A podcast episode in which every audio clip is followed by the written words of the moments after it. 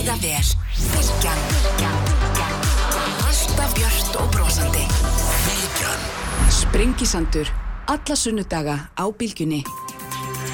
Sæli hlustandur, þá haldum við að staða hér á Sprengisandunum sem leiðilegur Ari Trösti Guðmundsson, Víður Einarsson verða hér í lokþáttar.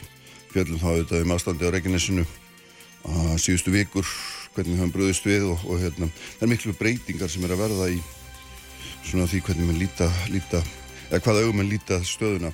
Uh, Njált Trösti Fribertsson og Þorbjörg Sýrvíð Gunnarsdóttir verða hérna líka alþingismennum 11 leitið. Hörður Ægjesson, viðskiptablaðamenn ætlar að koma að tala um Marel. Hérna á eftir en sestar hjá mér. Góða gestur, Elín Hist, sæla blessuð, velkomin. Takk fyrir.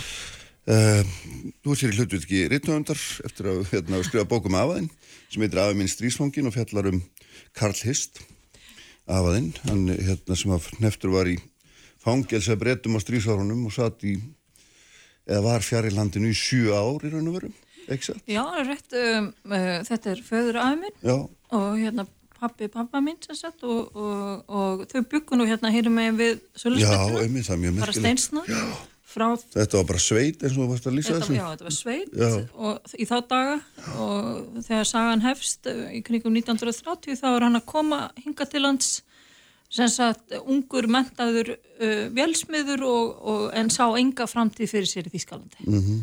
og það voru margir þjóðverið sem koma á sama tíma sem sagt hingað uh, aðalega ungi menn og svo eins og lífi gengur fyrir sig giftist hann íslenskri konu og þeir augnuðist leitla fjölskyldu Mhm.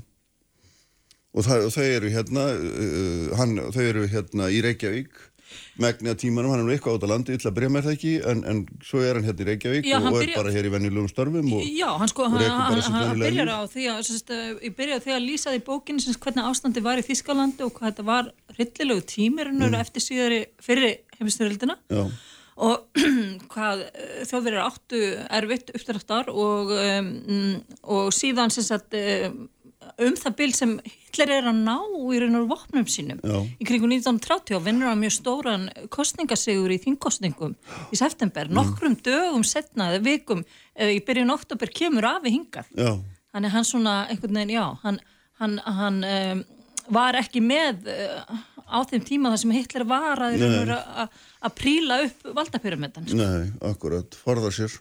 Njá, ég veist ekki eins og ekki alveg af hverju hann Nei, eh, Hitler var ekki orðið svona stort nafn á þeim tíma menn hor- horfðu þetta á hann sem einhvern undanlegan og svona skrí svolítið svona stríðs, eða skríls það var svona skríll í kringum hann Jú, jú, aldrei jú, jú, jú, En svo breytist það, hann var virðulegur, virðulegri stjórnmálamað svona uta á yfirborðinu allavega Já, einmitt og fólk fór að fylgja sér með þetta. Já, en hvers vegna komið aðvinn til Ísland? Veist, veistu eitthvað um það? Já, nákvæmlega, ég, eða hvað? ég, sko, ég er náttúrulega búin að grafast fyrir Já. um það. Ég auðvitað man eftir ímsum sögum úr æsku minni. Já, Uh, að mammin var mjög dugleg, og mjög fjölfróð kona og mjög dugleg að segja okkur bætnunum frá þessum tímum. Afi var að minna að því. já, En, en hann kom uh, sagt, fyrst og fremst til þess að, að bara eignast betra líf á Já. Íslandi. Líklega hefur hann séð auglýsingu, í Íslands fyrirtæki voru svolítið að auglýsa í Já. Þískalandi eftir starfsfólki.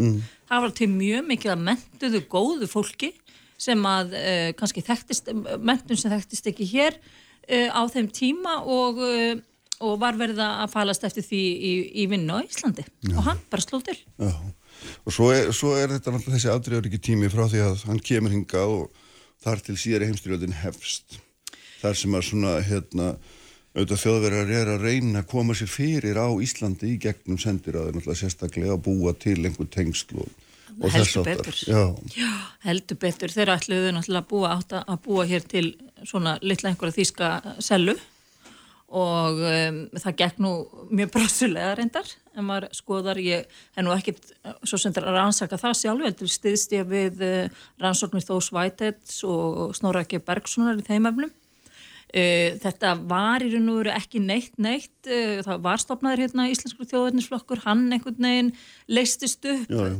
S- svona snemma á fjórða áratögnum en, en svo 39, 1939 þá kemur nýr uh, ræðismadur frá Þískalandi Werner Gerlach sem var uh, enga vinur uh, aðstur áðamanna bæði við Görings og Himmlers.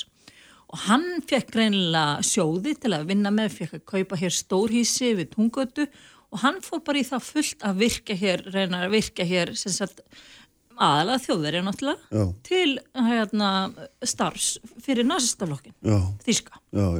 Og, og hvað veistu um, að því að nú, nú kemur þetta fram að 1940 þá er eiginlega allur þessi hópur, kallmanna, handtekinn og fluttu til Breitlands á grundvelli þess að þeir hafi hér verið að stunda einhvers konar njósnið eða slíkt. En hvað veistu raun og veru um, Afa. já, nei, í þeim, merkingu já, ég meina, hver voru raun og veru tengsl þessara svona venjulegu manna sem hinga komu við Við sendiráðið og, og þetta? Já, sko, niðurstaða þeirra sem hafa rannsakað þetta er að, að, að Íslandingar og, og íslensk þjóðverja sem byggu hér hafi ekkit verið mjög hérna að genkeiftir fyrir þessu. Hins vegar var mjög mikil pressa á þessar fjölskyldur. Gerlach og hans uh, starfsfólk þau, þau, þau, þau svona pressuðu mjög á, ég veit að am og afi fengu simringingar, það var verið að senda þeim bref og, og það var svona dulbúna reyla hótanir um að ef þið sýnið ekki einhvern lið, til dæmis eins og fyrir þýsku vetrarhjálpina var, var starfsemi köllu sem að eiginkona gerla stjórnaði að prjóna sokka og borða svo saman og syngja svo lofsöngva um, um e, fóringjan. Foringjann, já. Já, þá bara voru menn svona kannski, já, það var illa séð og, menn, og ég veit að amma hafði ágjörðu því að það myndum bytna á fjölskyldinu úti, fjölskyldu afa úti í Þískalandi. Já, Þannig að þau sýndu svona eins uh, lítinn lit og þau gáttu en samt svona fyrir þessi sækir mættu kannski eins og svona í mánuði pappi fór þarna á jólaböll og það var Hæl Hitler, mann pappi sko og, þe- og þetta var sett, mjög mikil nazista hana bragur á öllu. Og en svona kannski segir svolítið söguna hvernig afi minn var, hann var fyrst og fremst náttúrubann, mjög hana, handlægin og, og hlýr og góður og e ekkert fyrir stjórnmál. Það er engan áhuga á stjórnmálu og þess kannski kristaðist best í því að þeir voru handteknir í nokkrum atrennum þarna voru 1940 já, svo kallar hættulegustu mennir voru handteknir fyrsta dag, daginn, hérna Gerlach og, og þeir allir saman og síðan var verið að týna þá upp eh, þessar veslinsmenn smátt og smátt og hérna og alltaf beða að við milli vonur átt og vissi náttúrulega hvað hérna myndi fara að gerast en það dróst og dróst og það var ekki fyrir 5. júli mm. Sko þarna þó nokkuð löngu eftir mánuði síðar hérna. Já, bara um, næstu í tveim mánuð já, síðar. já, að þá er allt innu bankað upp á. Og þá á að taka hann. Og þá eru menn breytar bara komnir á þá skoðun að það verður bara að hyrða alla þjóðverja. Það, það er bara, sérst, það var hér sendistöð sem að menn, menn grunaði að veri notuð sem njósnatæki, hún fannst ekki. Og og, um, þ- og breytar semst bara hafa ka- kallað bara tökum það alla já. og þá, þá fór afi En hvernig vissu þeir hver var hvað á Íslandi? Algjörlega, það er nefnilega svo magnað að, að um, hér var til listi yfir alla þjóðverið sem hér byggu og alla sem að sem sagt, um, sem sagt, uh, já, fylgdu nazismannum eða, eða já, segja, ég, myndi segja alla þjóðverið sem hér byggu frekar. Mm. Það var fullt af þjóðverjum hérna sem byggu hér sem fylgdi alls ekki nazisma og það var hann Henrik, Henrik Ottosson, blaðamár ríðtöfundur sem að giftist um, konu af geðingaættum og eiginlega bjargaði lífi hennar og, og hennar hluta hennar fjölskyldu og hann var mjög ötull við að skrá niður öll nöfn allra þjóðurja sem hér byggu og þennan morgun þegar á með ásista 1940 bara þarna klukkan 6 um morgunin þá byggði ég fréttabrétar af þessum lista mm. byggði ég Hendrik um að fara heim og ná í hann sem hann var fúst til að gera og hann afhendir þeim listan og þar voru nöfn með uh, tugum ef ekki, já, tugum hundruðum na- manna sem, sagt, sem hér byggu og þannig að það var mjög auðvelt að, að nálgast það og það var, það var, ég, það var nafn og það var heimilisfang og það var starfskrein og, og, og hva, hvenar þið komu. Já, Þannig að þetta náttúrulega sagt, eh, gerði breyt, breytum auðveldaði mjög að hafa en yfirsýnina. þetta voru semst ekki einu nei, nei, heimildir heldur fara listi frá mann Já, út í bæ já. og- því að skipta Já, þetta var það og þetta var mjög og merkilegt. eftir þessu unnu brettar Já, Og- þeir voru hérna- náttúrulega með sinna eigin lista en þetta var náttúrulega miklu betri lista Já. vantanlega og hérna og svo náttúrulega kannski, já en Hendrik held ég hefði var, var með mjög fullkomin lista mm. Voru, þeir, voru þessi menn, voru þeir eitthvað yfirherðir eða bara, voru þeir bara sendur úr landinu? Hvað voru eitthvað gert til þess að reyna að grafast fyrir þeim og hvort þeir væru svona raunverulega þarna eða hér? hér Já, já, þetta var alveg alvöru sko. Já, hefur séð eitthvað að þessum Já, ég, hérna, þetta gekk þannig fyrir sig sagt, að, að þeir voru, menninni sem voru teknir þarna í júli, var, þeir var, menninni þegar handtökuna byrjuðu, mm. það var þeim svona að smala saman upp á, vörubíl, spall. Mm. Og þetta vakti mikla aðtögli í Reykjavík á þennum tíma að sjá mennina sitjandi þarna á vörubílspallunum og bara ekið á milli húsa og, og, og þeir teknir.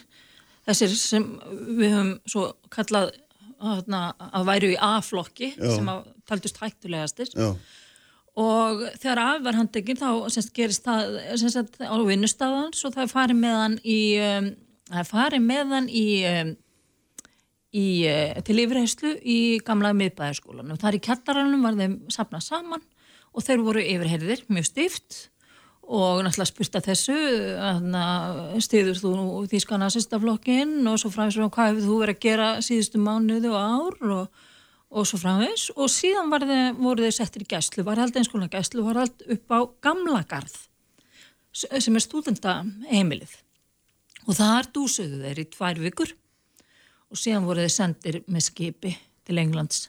Og þetta var, þetta, sko, svo skrítið með söguna að þegar hún gerist svona í raun og veru í þínum fjölskyldu faðmi, í raun og veru svona nálættir, þá áttar maður sig oft ekki á því hvað þetta er í raun og veru mögnuð og hérna dramatísk saga. Þetta er bara eitthvað sem er elst upp við já, að hafa heyrt. það eru reynilega bara eins og hverjarnar eða bara eins og hverstagur Já, og svolítið svoleiðis. Þannig að, þarna, þannig að ég er svo, hvað maður að segja, ég er ánað með að geta hafa distanserða mig frá þessu þannig að ég gæti skrifað um þetta sem þetta farið að horfa á þetta eins og þetta var í raun og veru. Já, nú fjarskataldið Já, aðeins og fjarkas. Já, já, en sko hérna og, þetta voru menn sem að hér hafði búið margir hverjir í tíu ár og sjálfsagt einhverju lengur, áttu íslenskar fjölskyldur, voru reyndar fæstir, var það ekki íslenski ríkisborgarar, því að það var ekki það voru einhverja aðra reglu sem gildu þá en þetta voru einhverju skilningi allavega menna á Íslandi, en Íslands stjórnveld þau hérna letu þetta bara viðgangast og skipt sér ekkert að þessu eða gerði þau nokkuð skapaðan hluti eða hvað? Nei, nei, það, þau, það, það var alveg skilningur þessu hjá íslensku miðvöldum að, og svona, ég hef nú sagt það sjálfa að í stríði þau náttúrulega gilda bara allt önnur lögum Já, já, og hérna, en það sem að kannski er verra að, verra við að, að, að þetta, þetta var svo langu tími Já. sko fimm ár í fangabúðum og svo sjö, tvö ár í Þýskalandi í svona eins konar nöðungavist já, það var bara svo langu tími fyrir hérna, já, þannig að það var en, en hérna voru svona, menn, breytar voru bara hreinlega alveg á nálum yfir því að hér væri ykkur tíska sellur sem að myndur reyna að gera eitthvað skaraði sem sett gegn hana hennásleiðinu. Sko. En svona 1945 þá hafa maður nú sérst orðið verið löngum búin að gera sér ljóst að af því nú margir aðrir voru nú ekki sérstaklega hættulegi menn en samt sem áður og það er alltaf mjög merkjuleg þessari sögu er þeim meinuð heimkoma eftir stríð í tvö ár Já. af mjög svona eins og rekur er mjög óljósum Já. forsendum í raun að veru Það er í raun og veru stóra fréttin í þessu öllu saman. Sko. Og það er mál sem hann Snorriki Bergson uh, og fleiri hafa rannsaka mjög ítalega, þannig ég er ekkert að segja þá sögu í fyrsta sinn, en ég er að segja hana út frá minni fjölskyldu sko, í fyrsta sinn og það er bara alveg svakalegt að hérna menn komist upp með það að, að bara að, sagt, að snúa í raun og veru öllum réttaröglum á haus og, og segja bara þú er að sanna það að þú hafur ekki stutt nazista já, til þess að með að koma hingað aftur. Já, já. og á meðan byðu, byðu eiginkonur og börn. Og þeir eru- mánuðum og missunum Já, þeir eru sendir til Þýskalands. Látnir dúsa þar í ég veit ekki hvers konar visteila en, en nei, ástandið þarf hann til að hræðilegt lítur að verið já, það var vist mjög, sko afið lýsir því að, að það var miklu verra að vera þar heldur en í bresku já, fangum ég meina Þýskaland er bara ein rúst á þessum tíma. Já, algjörlega. Og, um, og þannig að þarna tók við bara átt að þetta voru náttúrulega konur sem áttu, sem sagt konur hvern, hvern, um, að því mennirnir eiginmenn, kallmennir höfður handteknir og þær voru óskaplega dug, duglegar og fylgna sér að reyna að fá mennina sinna heim og kannski bæta því við að bæði breytar og bandaríkjumenn voru spurðir álits þarna hösti 1945 þegar stríðinu var svo sannarlega lokið. Hvað myndi, myndi þið setja ykkur upp á móti því að Íslandinga tæki við þýsku fengunum? Mm. Nei, nei, nei, nei. Endilega að koma þeim aftur heim til Íslands, það er langt best, fyrir utan að það er bara mannúðlegast. Mm. Þetta sögðu þeir sem voru sagt, hérna Höfðu anstæðinga þjóðurja? Já, Já, nákvæmlega, en það voru litlu íslen, íslensku stjórnvöldin sem ekki litlu en ég menna litlu stóru sem bara vildi ekki, vildi þetta ekki og það var aðalega einn maður Já. og það var dómspilnar á þáverandi. Já, Finnur Jónsson. Já, Amma uh, talaði mjög oft um þennan mann og, og ég, mann, eftir því ég var orðaldistalpu, bara fullarinn þegar ég fór lóksins að tengja, akkur var, var hann að tala alltaf um þennan mann? Henni var ekki lít til hans.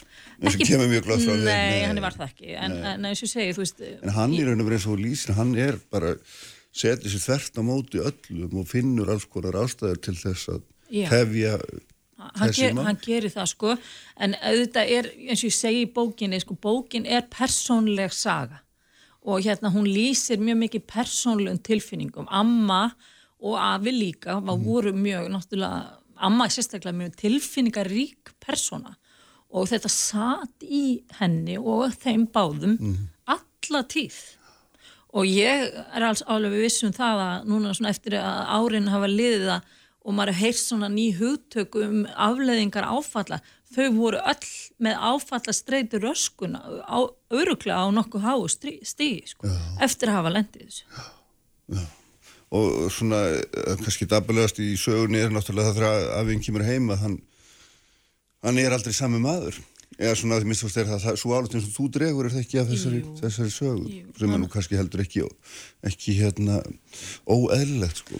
Nei, nei. Uh, hann var náttúrulega alltaf sami dugnar maðurinn og, og hérna badgóður ljúlingur en hann var svona einhvern veginn, hafi dreyið sig svona einhvern veginn til hljés hann var ekki svona þessi káti lífsglaði uh, maður sem að hann hafði alltaf verið eins og sögurna voru af honum sko. Það var eitthvað svona brotnað. Mm. en þau voru hjón hjónabandi þeirra það, það, það þóldi þetta álag. En það voru mjög mörg hjónaband sem ekki gerði það. Eðlilega. Nei, ég meni, ég var, það var líka áhugaverið punktur sem maður ekkert meina alltaf hugsa um þetta þannig að auðvitað kemur fólk bara heim og heldur áfram lífinu en þegar þú er búin að vera sjö ári burtu þá er það kannski ekki jafn sjálfsagt og maður ímynda sér sko. Nákvæmlega. Þannig að það bara var alls konar sem að hérna, gerist með það og eins og ég segi þá voru, voru já, það eru til marga sögur mjög, mjög hérna sorglegar og hjartnamar sögur að því svo hvernig sagt, já, að, að fjölskylduböld trosnuðu og, og hlutinu auðvitað ekki aftur eins. Mm. En Ammaðin, hún, eins og lýsir henni alltaf mjög ofinská og, og svona bara hérna, tilfinningarík og, og mikið barastu kona grunlega því að það er nú hérna, mjög góð saga því hún hér á hitti dómsmálur að hann sjálf með, með drenginu sína tvo með sér og lætur hann herrað aldeilis og hún hefur alltaf talað miklu meira um þetta heldur en afi en því að skilst eitthvað með náður er það ekki að hann hafi viljað svona eigða þessu fangabúðatali og þeim tíma Jú, absolutt. Amma var mjög, eins og segja, hún var bara mjög opinn og, og hérna, hvað maður að segja, svona sterkur karakter og leta ekkert hérna neitt lítið fara fyrir sér sko. Afi var miklu meira svona tilbaka og, og vild, ég fann alveg að þetta var ekki til umræði við hann og við krakkarnir við hérna virtum það. Við töluðum ekki um þetta við hann, við vorum ekki að spyrja afi hvernig var ég, þú veist maður fann það bara að það var ekki, var eitthvað, þá voru að koma við eitthvað sáran streng sko. Já En, en svona þegar hann heyrði ekki til og þá, þú veist, var og í svona kannski sundarskaffi með fjölskyldun svona það gott að amma verið alveg útofnu, sko, mm. um þessi mál Al, algjörlega og hérna komst eiginlega aldrei yfir það að, þess, að þau skildu og þau, þau og fleiri skildu beitt þessum, þessu óreittlæti mm. En hann hefur ekkert með svona En svo Karla síður bara greftið inn í sér? Já, hann fór svona meira með, með löndum. Hann, hann, hann var bara sök, sökti sér niður í það sem hann var að gera, hann var mjög handlægin, var mikið eins og svo út í gróðrúsi, pabbi sagði mér að hann gæti kannski verið út í gróðrúsi til miðnættis, þá kannski er hann bara í hugurinn hans að, að, að hann að jafna sig eftir, sko þetta er náttúrulega búið að vera sjö ára tímabill koma svo heim, hitta börnin hafi ekki séð þau sjör, þau þekkjaði ekki lengur. Eh, eiginkonan þú veist, eh, ég menna ég þetta er alveg, þetta er meirinn að segja. Já, nákvæmlega. Nákvæmlega. Hvað er svona hérna, þessi pólitík á Íslandi náttúrulega og, og svona sem þessu tengist og þetta er svona þó það fari ekki djúft í að þá finnum að það er svo sem og veita því að það er alltaf gríðarlega útlendinga andúð á Íslandi á þessum árum sem Hvort byrtist er? auðvitað ekki bara kakvart þjóðverum heldur eins og það er nú líka kakvart gýðingum bæði fyrir og eftir stríð. Já. Og hérna það er af því sem að Afi fann fyrir að sérst, það var bara talað um hann að, að, að talað um hann í leiðara vísis 1939 minnum mig og það var bara tekið nafnið Hirst hvað, þú veist, hvað þessir útlendingar var að þvælast hérna Já. meira og minna bara upp á, settist upp á einhverja íslenskar konur og væri bara liðlæskjur og, og ég veit, veit sérst af frásögnum föðumins að þetta fór mjög fyrir brjóstuð á Afa og hann hugsaði hann langaði bara að flytja aftur til Þýskalands en sem betur fer var nú hægt að koma í veg fyrir það, var þetta að koma uh, þeim fyrir sjónir að, að, að Þýskalandi var ekki góður staðar að vera Nei. áttu 1939 Nei, nokkulega. Mm. En, en, en, en þetta er sannst þannig, er það ekki þá rétt skilið að, að hafið einn og, og þessir menn flestir hafðu engin tengsl við. Ég sko- gerðu ekkert til þess að greiða götu hans. Nei, sko, ég, ég, ég, ég, ég nú er ég bara, ég er bara að skrifa sögu af já, já. og ég all, veit ekkert um, ég held að sangant öllum rannsóknum, sem sagt, Mm. manna sem eru mun hérna fróðari, fróðari og betri til þess en ég, þá var þetta allt í miklu skötu líki. Þannig að hér voru ekki, sagt, hér var, var engin svona sella sem að eitthvað hvað að. Nei. En, en hvað afa minn snerti þá, þá, hérna, þá held ég að ég get alveg fullist um það að, að hann var ekki hlindur nazisma og, og ekki á þeirra band. Börður hann einhvern tíman út í þau? Nei, Nei, aldrei ég spurði hann aldrei nokkuð tíma og ég spurði hann aldrei út í þessi mál. Nei. Hann, þegar hann kom heim, þá talaði hann líka hana, miklu bjagaðra, ef mér sagt. Mm. Ástundum svolítið bara erfitt að skilja. Og hérna, Hann er tapað íslenskunni Já, hann þessum kann árum. tapa henni færninni sko. Já. og hérna, nei, nei, en auðvitað talaði maður við hann en, en það Ekki um þetta. kannski, kannski, og ekki, yfirleitt, ekki mikið maður fór ekki í, í neinn flókin mál og maður fann bara að þarna var svona girðing, þú færði ekki yfir þessa girðingu gagvast af að þeinum Já. og það, já, það var bara eitthvað svona sem ég aldist upp með Mm, En heldur hann hafi rætt um þetta við föðin til dæmis og sinni sína? Ekki heldur? Nei, nei, kannski aðalega þau hjónin sem rætti þetta Já. og yfirleitt þau voru að ræða einhver mál svona, þá fóruð þau svissuðu yfir á þýskuna Já. og vissum að það var eitthvað sem Sem þið máttu ekki skilja. Já, sem áttum ekki skilja. Já, já, nákvæmlega, nákvæmlega. Hvað er svona, hérna, þú segist að nálgast þetta og fjarska núna er hérna, hvernig finnst þér þessi saga þegar þú ert svona, Já, þegar ég er búin að skrifa hana. já, Já, ég hérna, já, þú segir hún hafi verið kvestaslega lengi en nú er hún einhvern veginn orðin á bók Já. og orðin miklu stærri. jú, ég er bara ánað með að koma málflutningi þeirra á framfæri. Þeirra sög. Mm. Og hérna, og þetta verið tekið með þegar menn eru að, að og veru fjalla um heimstyrlildina síðari á Íslandi og hernámið. Hvað og veru, hvað gerðist þarna. Já. Og ég tala nú ekki um 1945 í mæ þegar allir komu að það voru að fagna styrjaldalokum og amma láfið fóra, fóra hérna, veist, þrýfa húsið og, og undirbúa heimkomuna, sko. Það bara var eitthvað annað upp á teiningnum, sko. Já. Var afinn sendur þá í Þýskland eitthvað til sinna fjölskyldu? Já, já. hann var þar, já. Já, það var, Þýskalandi var náttúrulega skipt upp í hernásvæði Já. og afi var á breska hernásvæðinu og hann sett var frá Kíl í norður Þýskalandi þannig að hann fer sendur þanga á sitt heimasvæði sko. mm. og En hérna er samt alltaf einhvers konar varðhaldi Nei, nei, nei, hann er ekki varðhaldi en hann, hann er bara, það er bara ekki það er bara steinur ekki steinn yfir stein og það er því líkt ástand og, og hérna og, og ég veit ekki, ég kann ekki nógu stark orð til að lýsa hérna ástandin í Þýskalandi, það var vist alveg svakalegt já, já, já. Og amma mín sem fór þarna uh, nokkrum ánum síðan, voru enn, voru enn börn að lýsa eftir foreldrum foreldrar að lýsa eftir börnum fjölskyldur höfðu orðið aðskildar uh, það var bara hungusneið það var menn, uh, konurnar saumuð sér kjóla upp úr nastafánum. Það var eina efnið, það var eina hérna eina efni sem að, fata efni sem var hægt að fá. Og veist, þetta var bara eins og afi minn sem sagt, hefur, hefur sagt að, og, og eða kannski amma í gegnum hann að þetta var eiginlega að- ekki, ekki neitt, neitt skarra heldur en að verið fangabánu sko. Nei. Þetta er fengilega hérna, fróðlega saga og svona En kannski- innlegg í þessa stóru mynd. Já, ég ætla kannski að bæta því við Já. að hérna, ríkistjórnin sem var hann hefur veld hann nýskopunarstjórnin það var alls ekkert eining millir flokkana það var sósíaldaflokkur, sjálfstæðarflokkur og alþjóðflokkur og sjálfstæðismenn þeir, hérna, Ólafur Tórs og, og, og hérna, fleiri reyndu, þeir vildu hleypa þeim, inn. Já, en það, það var, sérst, þetta var svona eins og ég segi, skipta skoðanirinn og stjórnarinnar og, og, og, og um, eins og við þekkjum þá í raun og raun fekk, var þetta mál dómsmála ráþarans þannig að hann í raun og raun hafði loka orðið Já. annars var það bara spurningum að sprengja já stjórnina og þetta var þannig mál og hún, var, hún hefði getað sprungið ef að sjálfstæðismenn hefði sótt þetta fast. Já, og þeir gerðu það ekki. Letu hérna, letu hagsmunni Já, fannst þetta ekki vera mál til að Nei, slíka stjórnarsvæðstöru nei, nei, er bara það verður mikilvæg að halda í stólana eins og hefur verið svo oft í sögni. Já, já, ég minna, ég hef nú sjálf verið í stjórnmálum, við veit alveg hvernig þetta er, þannig að nei, nei, en, en það er rétt samt að það kom fram, komið fram, það, það var mjög mikið rifist við ríkstandarborðið um þetta. Þetta er hérna, einn frólæst saga, það held ég verið að segja. Og við hérna, hvert fólk til að lesa hana?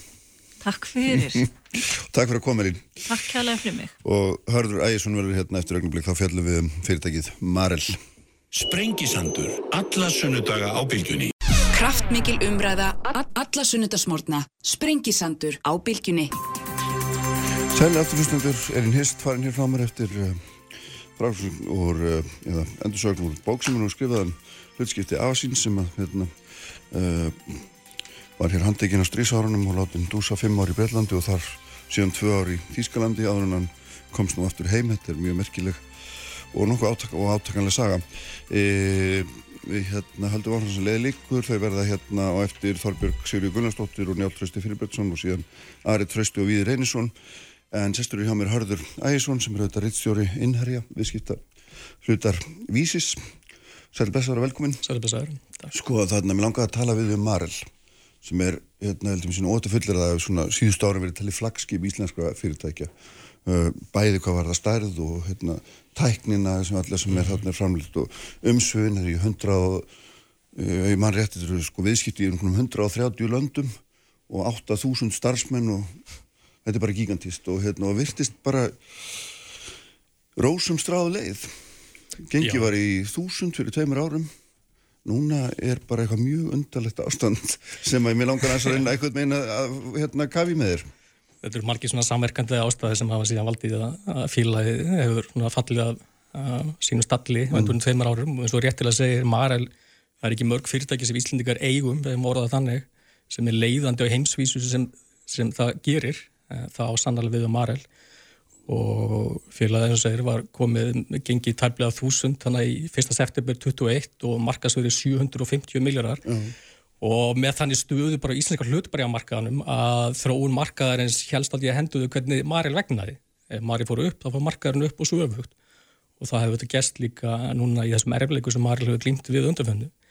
E, þetta félagi sjálf bara í rekstrarlega hefur svo mörgunum fyrirtæki þessum, þessum geira, framleyslu fyrirtæki heimsísu hefur var fyrir miklu höggi út af bara truplunum með aðfangkeðinni, hækkandi kostnaði uh, hækkandi vakstastíi sérstaklega eftir að félagi stóð að kaupum á, á vengar uh, fyrirtæki sem var svona viðleitni í því að koma með nýja stóð undir tekju félagsins. Já, og félagi var þá mjög lítið skuldsett og það voru alveg svona uh, þrýstingur má segja af alveg hlut það var að, að stekka en frekar með þessu. Að en núna hefur uh, er félagi kannski heldur og mikið skuldsett og félagi hefur núna trekk í trekk í áslutu uppgjörðinsinum byrt afkomur sem hafa verið undir væntingum fjárfesta fyrir að hafa verið með svona mjög háleit uh, endur tekið aftur og aftur Já. mikla svona loftkastallar rullu, getur mér ekki er ekki alveg hægt að segja það? Já, minna það, þú veist, þeir hafa haldið sér við það að vilja vera með að skila svona rekstrahagnaði sem nefnir 14-16% af tekju félagsins. Uh, og tekju félagsins er uh, hátt í 2 miljardar evra. Og það er ekki gengið eftir og, hann, og, og þess vegna hefur svona grafið um sig, maður segja, svona vandrú fjárfesta á félaginu, langar hríð. Já, nákvæmlega. Og, og það er svona að því að þeir skilgrina sig sem það sem þeir kalla growth company, önsku, vaksta fyrirtæki, það sem er alltaf að vaksa ymmist með innri vexti, bara stakka á einn ramleik, eða þessar stöðu yfirtökur sem eru hlutað þeirra strategi og sem að valda því náttúrulega endanum að skuldsetningin verður, er það ekki alltof? Já, já, þú veist, Mikil hún, hún var svona heldur og mikil og hann, það hafa upp á síðustu vikum mánu verið umræðum það hvort að Maril þyrsti mögulega að ráðast í hlutareikningu e, síðastu uppgjör, það voru alveg svona vona glætur í því. Í fyrsta skipti svona marga fjórðunga var félagi að færa að skila eins og þau gert sögulega síðan mjög miklu og jákvæðu sjóðstremi þannig að framald á því gæti hæglega svona gert félagi aftur innan e, nálags tíma skuldléttara En hva- hvað veldur því fyrst að þú segir að það er komið vona glæta? Þá allt í hennu og þá það er líka hörður það ekki svo þau spurði líka því sömu andra sko, þetta eru óvænt tíðindi hvernig þetta er alltaf þróast er Já, þá komur kannski hinu atriðinu að því að það eitt er erfiðleika bara í rekstri Marels en það sem hefur uh, leiði svona þungt á Marel og gengistrónu Marels undan þannig að mánuði jafnvel missiri e, eru áhyggjur fjárfesta og markasaðala að stöðu kjölfestu eigandans í Marel. Og það er eins og flestir veita fjárfestingafélagi Eirir Invest uh, sem í dag heldur á fjórðungslut og er í eigu uh, feðgana Arnóts Þórðarssonar uh, fráfærandi fórstjóra og Þórða Magnússonar þeir hafa svona í, í meiri tvo áratíu hann haft töklu haldrið í félagi en síðan eru þarna hlut. Það var stæstu lífyrirsjöfu landsins LSR og lífyrirsjöfu Vestlurmanna og bankar, uh, landsbankin okkar. Já, já, og, og núna nýlega er Arjón banki komin inn þarna. Já, já. eftir, já ég er samlað því. Þetta var mjög óvænt tíðindi sem berast uh, okkur í byrjun þessa mánaðar uh, 7. november í Marja þegar kemur í ljós að, að, að, að Arjón banki hefur ákveðið að leysa til sín hluti að hluta af eignar hlut Árnóts í Eir Invest og líka um leið uh, hluta af brefum Þórðar sem hann verist hafa lánað síni sínum. Uh, og ég held allan að með segja að því markaðurinn var mjög meðutur um að, að Eirin Vest og hafði ágjörð því Eirin Vest félagið sjálft væri mjög skuldsett og það voru ágjörð af því samhliða því að gengi Marels var að lekka mjög mikið að lánveindudur Eiris eh, eh, kynni á komist á stöðu að geta leist til sín veðin sem, sem eru brefið Marel Skuldirnar eru veðsettar brefin eru veðsett gagvar skuldunum. og, og það hafi verið mikla ágjör á því og það hefði svona verið dragbítur lemur orðað þannig á gengistrúum Marels. Menn að óttast að þarna gætu orðið mikið frambúð bara allt í einu af, af brefum í félaginu við slíka sviðsminn en ég held að engin að ég var allan eftir að ræða við slíkan hluthafa eða markastæðala sem eh, hafði gert sér grein fyrir því að forstjórin sjálfur, orðnótur að eignar hlutur hans í Eyri, hann átti tæplega 20% bæði í eigin nafninu og í gegnum félagi eigu hans.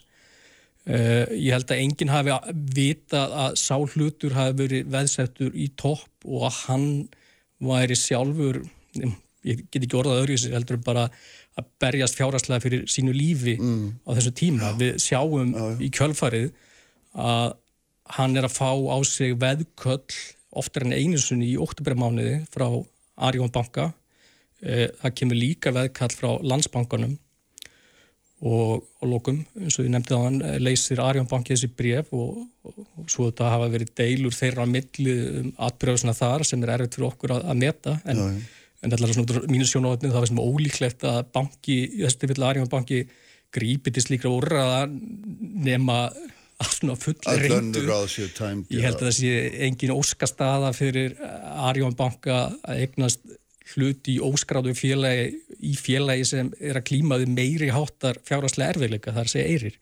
Að því núna uh, það er, hefur eirir síðan síðustu vikum verið að vinna, verið að stefna því að vinna í reisastóri hlutverökningu mm.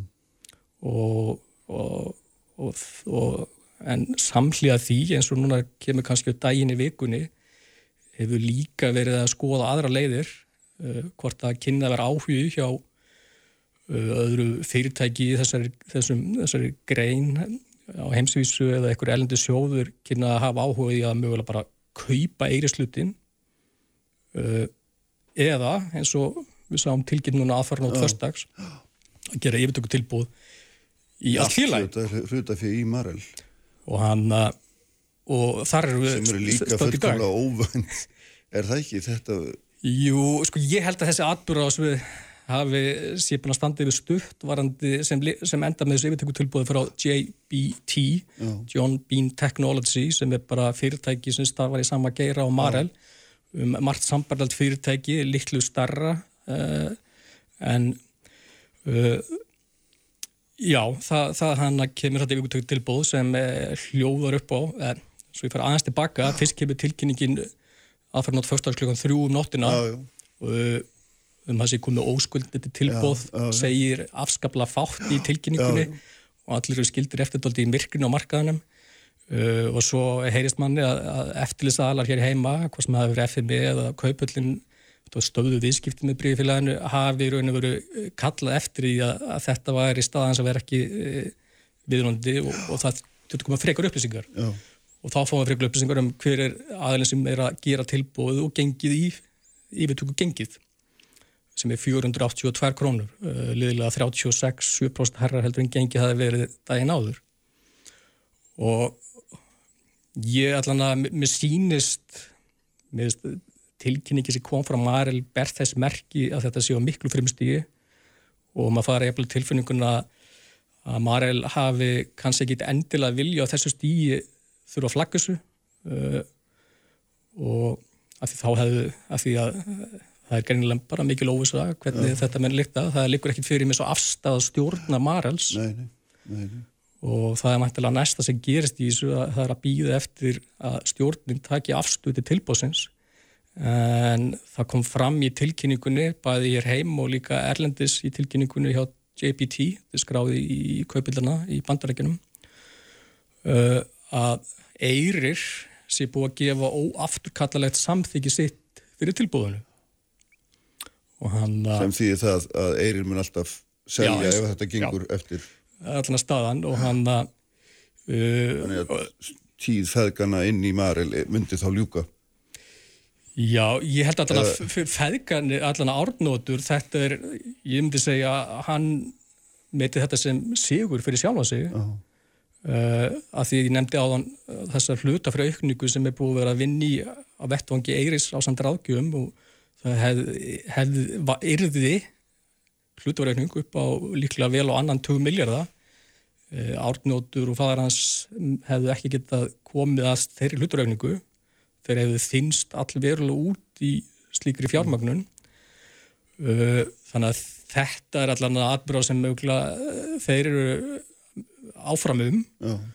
og ég gef mér í ljósi þess að, að Eyrir er búið að gefa óafturkalli samþyggi sitt, það er vantilega stjórnin og hún lítur að hafa gert það í samráð við aðra, allan að segjum stærstu hlut af Eyris að þeir séu þá samþyggir þessu hafi talið að, að telja að þetta sé betri leið heldur en þurfa að, að punga út uh, meiri fjármunum inn í Eyri Já. og, hann, uh, og, og, og vona svo bara til þess að það er því svona viðspilna og hækkandi gengi hjá Marel. Þannig að þetta er svona alltaf staðan ákvæmt núna. Já, já, en hvað svona, því að nú getum við þetta svona talað okkur alveg rænlega um þessar, þessar flækjur allar sem að hérna, en sko það sem er alltaf merkilegt við það að þetta er, það er þetta sem við byrjum á þetta er svo stórt fyrirtæki, þetta er svo mikið flagskip, þetta er svo mikið áhrif á Íslands efnarslíf og þetta er bara landsbankin sveiflast á milli haglaður og taps eftir í hvernig Já, já. brefin í Eyri sveiflast eftir gengun í Marel sem að takja nú bara eitt dæmi það er endalisir vinklar á þess að Já. snertifinn sem Marel er með Svo Eh, erum við búin að nefna alla lífeyrissjóðina, alla fjárfstingarsjóðina, það eru þúsundur íslenskar hlutafi sem fyrirtækjum og svo bara það líka sem við byrjum öll á því einu.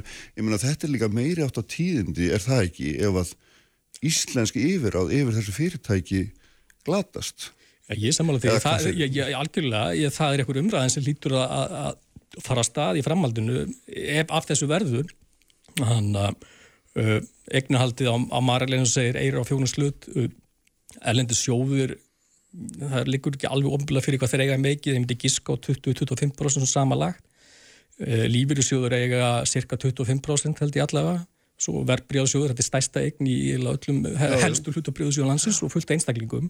Þannig að þetta er mjög rótgróði íslenskt fyrirtæki. Starfsmenn hérna á Íslandi síðast er ég flettið upp kringu 7-800 og ef yfirraðan yfir félaginu fara að því tilbúð JPT ger ráð fyrir að vera greitt að fjóruðungi til í reyðu fjö og restin í brefi með JPT Já. E, það er engin ástæð til að vera eitthvað barnalegir ef þetta af þessu yrði þá myndi starfsemi Marel sér heima smá sem að fjara út Já, ég, þú heldur það ég, ég kannski svona sem viðlítur rannsóknum og þróun sem þetta Marel hefur verið frá, gert frábæla undanferðin ár og, og lengra tíman eitt í kringu 6% öllu sem tekjum í, í, í slíkt. Ég myndi alltaf að halda að stafsefnin hér heima er ekki, ekki mikil umsöfum uh, og hann og líka hitt er að það geti, þá myndi líklega Marel hverfa úr kaupöldinni hér heima nema svo leiðir í farin að hafa tvískráði bandrækjum hér heima, þetta er bara svona framtíðamúsi.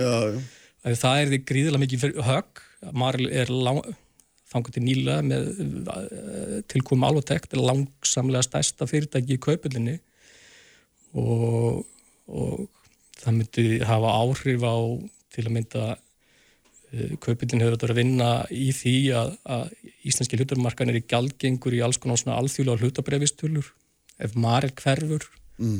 þá held ég að, að slíkt það er mjög neikvað áhrif á, á slík áform Já. þannig að En ég, ég held bara í fyrsta lagi að þetta sem er að gera svona í vikunni uh, sé nú bara svona uppáspunktur að einhverju, einhverju fléttu sem er að fara að stað. Uh, ég held að gengið í þessu tilbúði sé læra heldur en svona margir hefði átt von á ef slíkt yfirtöku tilbúð bærist. Það er að verleggja margil á 370 miljardar.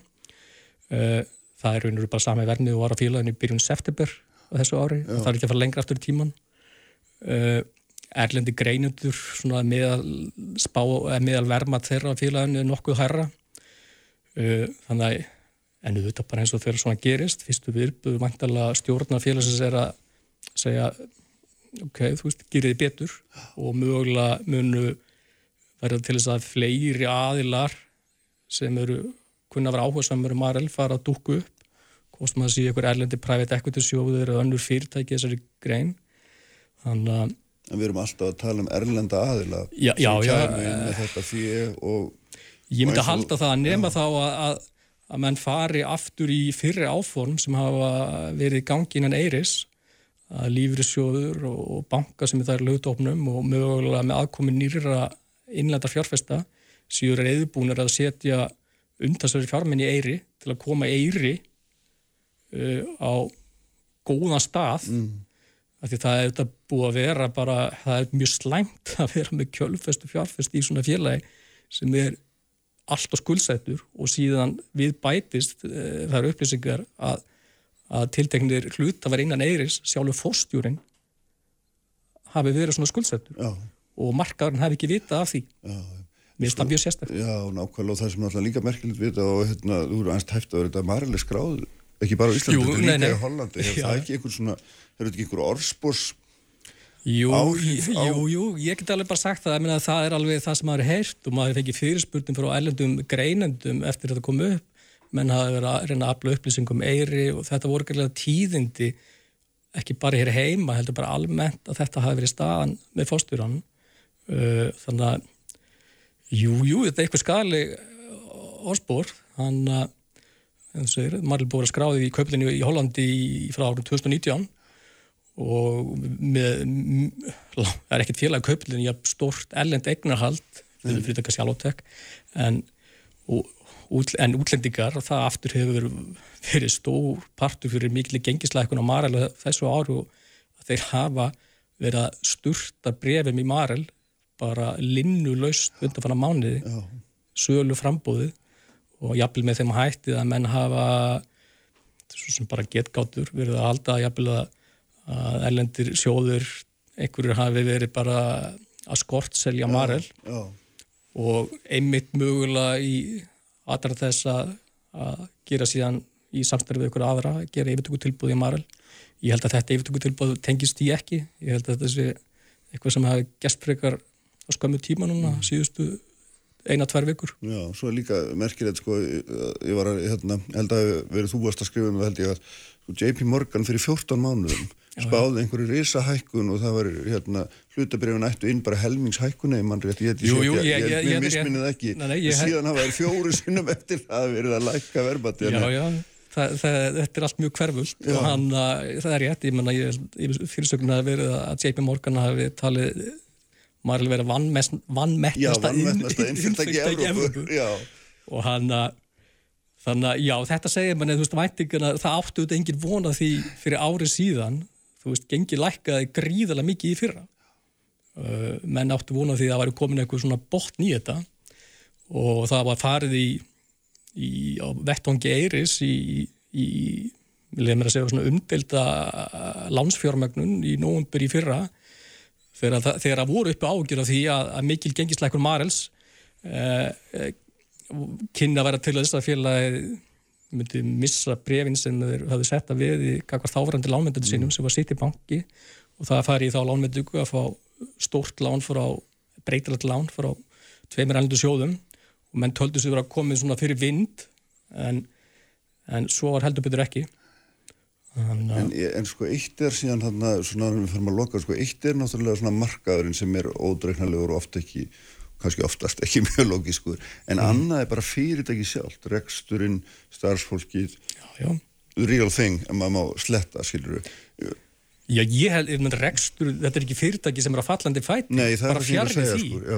þetta er þetta bara frábært fyrirtæki og hann, og aftur þess að þótt að uppgjörun hafi valdið vonbröðum, þá held ég að margir hafi séð alveg svona vonar glætur í síðustu uppgjöri, að það væri farið að sjá fyrir vind uh, og hann, uh, og, og allir greinendur á því að er að spá því að afkoma sér núna að fara batnandi á komandi fjórðungum, þannig að þess vegna held ég að þessi atriðin sem eru búin að ræða undanfarið e, þau hafa verið að skemma heldur og mikið fyrir félagin. Já, og hann að núna er bara valkostinir eins og ég nefndi aðan sem kannski svona þeir sem vélum í eiri og stóru hluthafinir í félaginu viljum við samtækja þetta yfir tilbúið eða reyna að fá hærra gengi í slíku yfir tilbúið eða viljum við fara aðra leið sem er eh, svo að, að reyna að, að laga stuðan í eiri uh, og án þess verður missum við alltaf, eða missum við verð fer eignarhaldið eitthvað?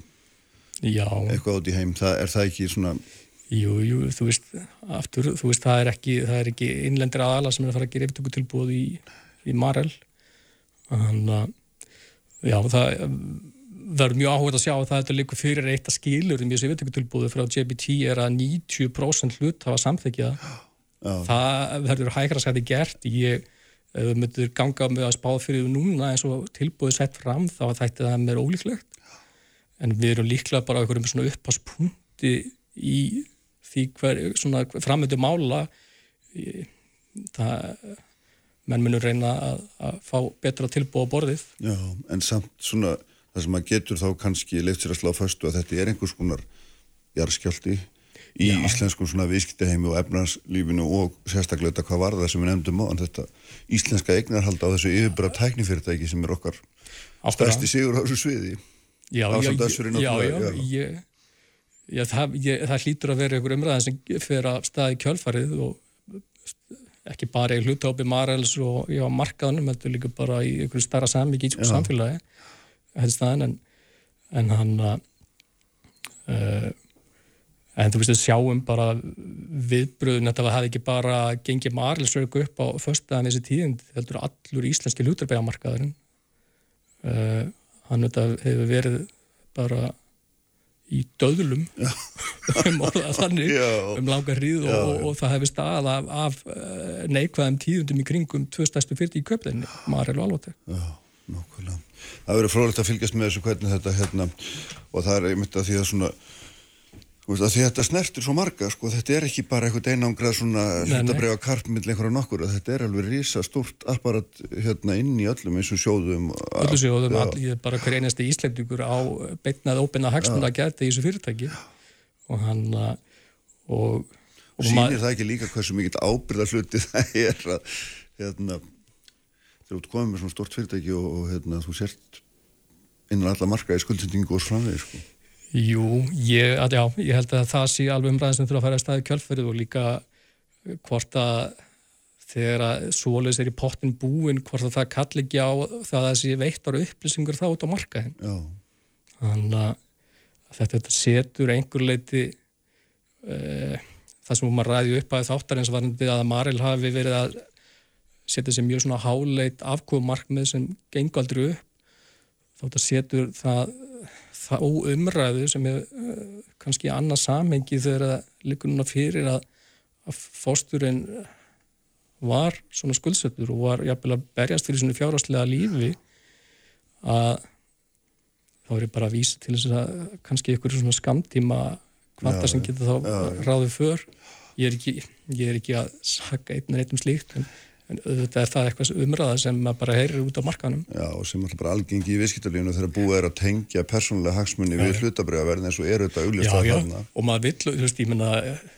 guðuna bænum, ég, ég er algjörlega áfram með það að helstu stjórnundur í, í félögum séu beinteintur út á hagsmunni félagarna en sá kvati kann kannski verða óölu þegar að skuldsendingin er svona mikil. Já, já, já. Heyrðum, hérna látum gott heit í billi en hérna ég trúi þessi ekki síðast orði Bæstu það ekki verið að koma hörður og Takk. hérna þau eru hérna Þorbjörg Sigriður og, og Njálf Trösti alþingismenn eftir augnum líkum Sprengisandur, alla sunnudaga á bylgjunni. Og, og hérna í Grindavíkur og nákvæmins og aðeins að, að fjalla um þær greiðlu breytingar sem orðið hafa á, á svona mati manna á þeirri stöðu sem þar er uppi auðvitað jákvæðir að mörgu liti en hérna veku líka spurningar um svona um það umræðu sem um gangi hefur verið undarfarnar vikur um það. En ég ætla hér að ræða næst við þau Þorbjörgur Sigriði Gunnarsdóttur og Njálf Trösta Friðbertsson Njálf Tröstu Norður Akureyri Sællablessar og, og hérna takk fyrir að vera með okkur. Já, góðan daginn. Góðan daginn daginn. Og Þorbjörgur þetta hérna hjá mér Sællablessu og velkomin Takk, takk, takk. Sko langar að byrja þér Þorbjörgur að þú helst mikla eldræðu í þinginu og hefur verið að skrifa mikið um stöðuna í efnarsmálunum og svona undirlikjandi er þessi er þetta aðgerðaleysi ríkistjóðunar verðbólgu, vöxtum stöðu heimilana og svo framvegis mm. og hérna og skýtu fastum skotum á stjórnuna með það að hérna það sé ekkert verið að gera mm -hmm. ekki neitt Nei og ég menna ég er ekkert einum þá skoðun bæði þegar að fjármálar á þeirra þá er hendi kynnti fjármála áallun núna síðasta eða í vor uh, og svo aftur þegar fjárlega frumvarpið fyrir þetta ár var kynnt þegar fjárlega frumvarpið í fyrra var kynnt mm -hmm. uh, allir þeir sem gefa álit á uh, þessum skrefum ríkstjórnarina eru á því að skrefin séu ekki nægilega markvis Sælabankin talaði um það á sínum tíma síðasta voru að þetta væri svona ágættis fyrsta skref en hann vildi sjá meira. Núna talar um að, að frumvarpið sé hlutlös sem sýðir kannski bara á íslensku að það gerir ekki illt verra. Um, en hérna þetta er, þetta er í grunnum bara það sem við erum að tala um að því að það að gera ekkert taka ekki virkan þátt í baráttunum gegn verðbólgu með beitingu ríkisfjármálana í, í sinni efnarstefnu mm. gerir bara verkum að heimilinn og litlu fyrirtækin ekki síst eru bara skilin eftir með uh, sí endurteknar vaksta hækkanir og að við erum, þegar við horfum á löndin í kringum okkur, verðbólkar allstæðar að fara niður, vextir eru allstæðar að fara niður hérna fögnu við í þegar sælabankastjóri segir við ætlum ekki að gera neitt við ætlum að halda vaxtastínu í 9.25 mm. og fólk lítur á það bara svona í samingi hlutana sem bara svona ágættis fréttir að því að væntingar um lækkun vaksta eru engar síðan kannski mér myndi bara að halda hans áfram með afleggingarnar, þú veist, ríkistjórnum hefur talað um að taka utanum þau sem minnst hafa því að verðbólgan býtur þau alltaf fastast, við sjáum engin merki þess núna þegar við erum að fara inn í aðra umræðu með vakstabætur eða barnabætur því það þarf að horfa á tekjufólks en líka á hvað æfiskið það er. Útgjöldin eru mikil hjá barnafólki út af börnum námslónum í einhverjum tilökum Eh, en millistjættin venjulegar fjölskyldur á Íslandi eh, það, er, það verðist bara pólt í stefna að skilja þau eftir út í, í kvöldanum mm. mér finnst þetta sorglegt og mjög alvarlegt. Njálf Trösti, þú sittur í fjölaðanemndinni Jájá Hvernig svarar þess alls saman? Já, það er mjög komið við og kannski er við að taka það á öskum uh, í stöttum máli. En uh, við erum náttúrulega með stæðsta málið í vetur og það er náttúrulega verið nákvæmt. Það er verðbólgan og það munum kjara samningar það var gríðilega mikið að segja inn í það og við, ég held að sé allir sammála um það að, að kjara samningar sem komið síðast að, já fyrir árið síðan að þeir hafa haft tölvöld mikið átsif á þá verðbólgu sem þetta staðar í dag. Við erum en, endalust að semja um þessi 6-8% af meðartali kannski meðan að framleginu aukningi samfélaginu getur kannski duga fyrir já, 2% launahækkun. Síðust átt ára er, er framleginu aukningi búin að vera 1,3% og við erum alltaf í þessum leik. Við erum ekki að sjá þetta með þessum hætti í nákvæmlega löndum. Þetta er kannski einstaklega stæsti þátturinn. Við erum líka, og þetta er lígilegt tímabil, og fór að hefur verið að hugsa þetta núna í haust og hvað þá núna þetta grindaði bætist við og erfiðleika þar. Að, að, að við váer fjall 2019, COVID 2020 í mass, við erum með stríði í Evrópu sem hefst í februar 2022 og hefum enda þetta ár með miklu óvissu í grindavík. Þannig að, að þetta er búið að vera mikil, mikil rúsipana reið hérna undanfæðin ár og það er endalist að reyna að stilla kerfin. Ég held í grunninn að geta allir verið sammálum það að það er bara ótrúlega góð staða sem við erum í dag í ríkisfjármálunum miða við hvaða umhverju við erum búin að upplifa hérna á síðustu áru og erfiðleikum. Ég er, það þarf að stilla kerfin að kemur húsnæðisbætur og barnabætur og annað. Þetta er náttúrulega mannan að verka því leiti að en, en þetta er bara þau kerfi sem við erum með og kaupmátur hefur vaksið. Það var mjög sérstaklega náttúrulega umfram aðra önnu lönd í Evrópu að kaupmátur var að aukast hérna á COVID-áramum þannig að það kemur í framhaldi því að það fari gríðarlega ágerðir uh, í mass 2020 til að koma úr gegnum það og við náttúrulega erum að jafna upp kerfin meða við þau fjárhuglat sem ríki fóri þá að reyna að ná að, að skapa aftur uh, jafnvægi. Þú veist, uh, í fjármál áhallinni sem vorum að fástu vorið þegar er hóst 2001-2025 Það var átti skuldaukning ríkisjóðs að vaksa um þúsund milljar á því tíma, tíma. Það fór ekki svo það hefur gengið miklu betur með þetta þannig að skuldarhlutur eru lægri heldur en reiknaðu með þá. Það var reiknaðu að þau færi upp í 52% árið 24-25 en þau eru núna í lóknæst ás er reiknaðu með sér 32% þannig að það er miklu betri staða. Þetta er grunnur sem við erum að fást við. Þetta er, þetta er myndið sem við erum að fást við Já. í, í ríkisjónum. En þrátt fyrir það erum við náttúrulega að borga þessar risaháu vakstakleðslur alla tíð. Já, Það já, hlýtur að vera eitthvað mikið þyrnir í augum. Já, en, en það er um samt hlutastlega, við getum ekki búið saman eins og við lendum eftir banka, bankarunni og ef við tökum þess að vaksta tekið ríkisjóðs og, og, og, og síðan vaksta gjöld, að þá er þetta um 70 miljardar sem að það ber á milli en það er þó já, hugsa ykkur stöðan hvernig það væri er, er þetta nátt pari eins og með voru að reikna með ríkisjóðmaláðaslunni uh, fyrir uh, 21-25 sem er samtíktum vorið 20 Mm. að þá erum við kannski með já, ef við verðum 52% skuldarhlutvall í það fyrir 32 að þá, þá sjáum við þá stöðu. Hvað þó hefur áunnist í, í þessu við, með það sem að með reiknum með, þá erum við alltaf enn stöðu. En, en hvern, hvernig á pólitíkina þínum að, njál, að styðja Sæðlabankan í því að lækka vexti um, og ná niður verðbólgu vegna þess að nú er það auðvitað ljóst á síðustu síðustu yfirferð uh, Sæðlabankans að hérna, verðbólguvendingar eru bara herri og hérna, þetta verður langvinnara og framvegis og þarf þetta kröftu og innspýtingu úr pólitíkinni til að taka undir með Sæðlabankanum til að sé allir sammálum það Já, Svo sko, innspýting hlýtur nú- að vera fólkin í einhvers konar aðhaldi en það er kannski býstna flókið þessum tíma Já. eða hvernig sérðu það?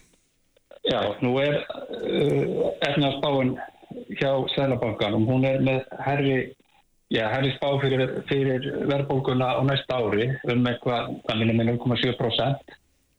Þetta verið 5,5 í staðin fyrir eitthvað 4,6 sem var í fyrir spá sem við höfum verið að vinna eftir og, og voru sem kom í sömar, svo, efnaðspá sem við erum með inn í fjárlegin þegar við voru kynnt í september og nú hefur þau aðeins verðbólgusbáðum hækkað um, um þetta þannig að nú er verið að bera þetta saman uh, fjárlega sem er sett fram að verðbólga verði þetta milli 5 og 5 og hálft þannig að en í grunninn það verður að segja og það er saman hvað sagt er að það er meira aðhald í þessum fjárlega núna heldur en við séum í töluverðan tíma. Hvernig sem að fólk allar að tala um það. Það er bara, bara staðan máls. Og uh, og ég held að það tekist aflega. Þetta er þetta, eins og ég kom inn að kjara samlingar skipta miklu máli.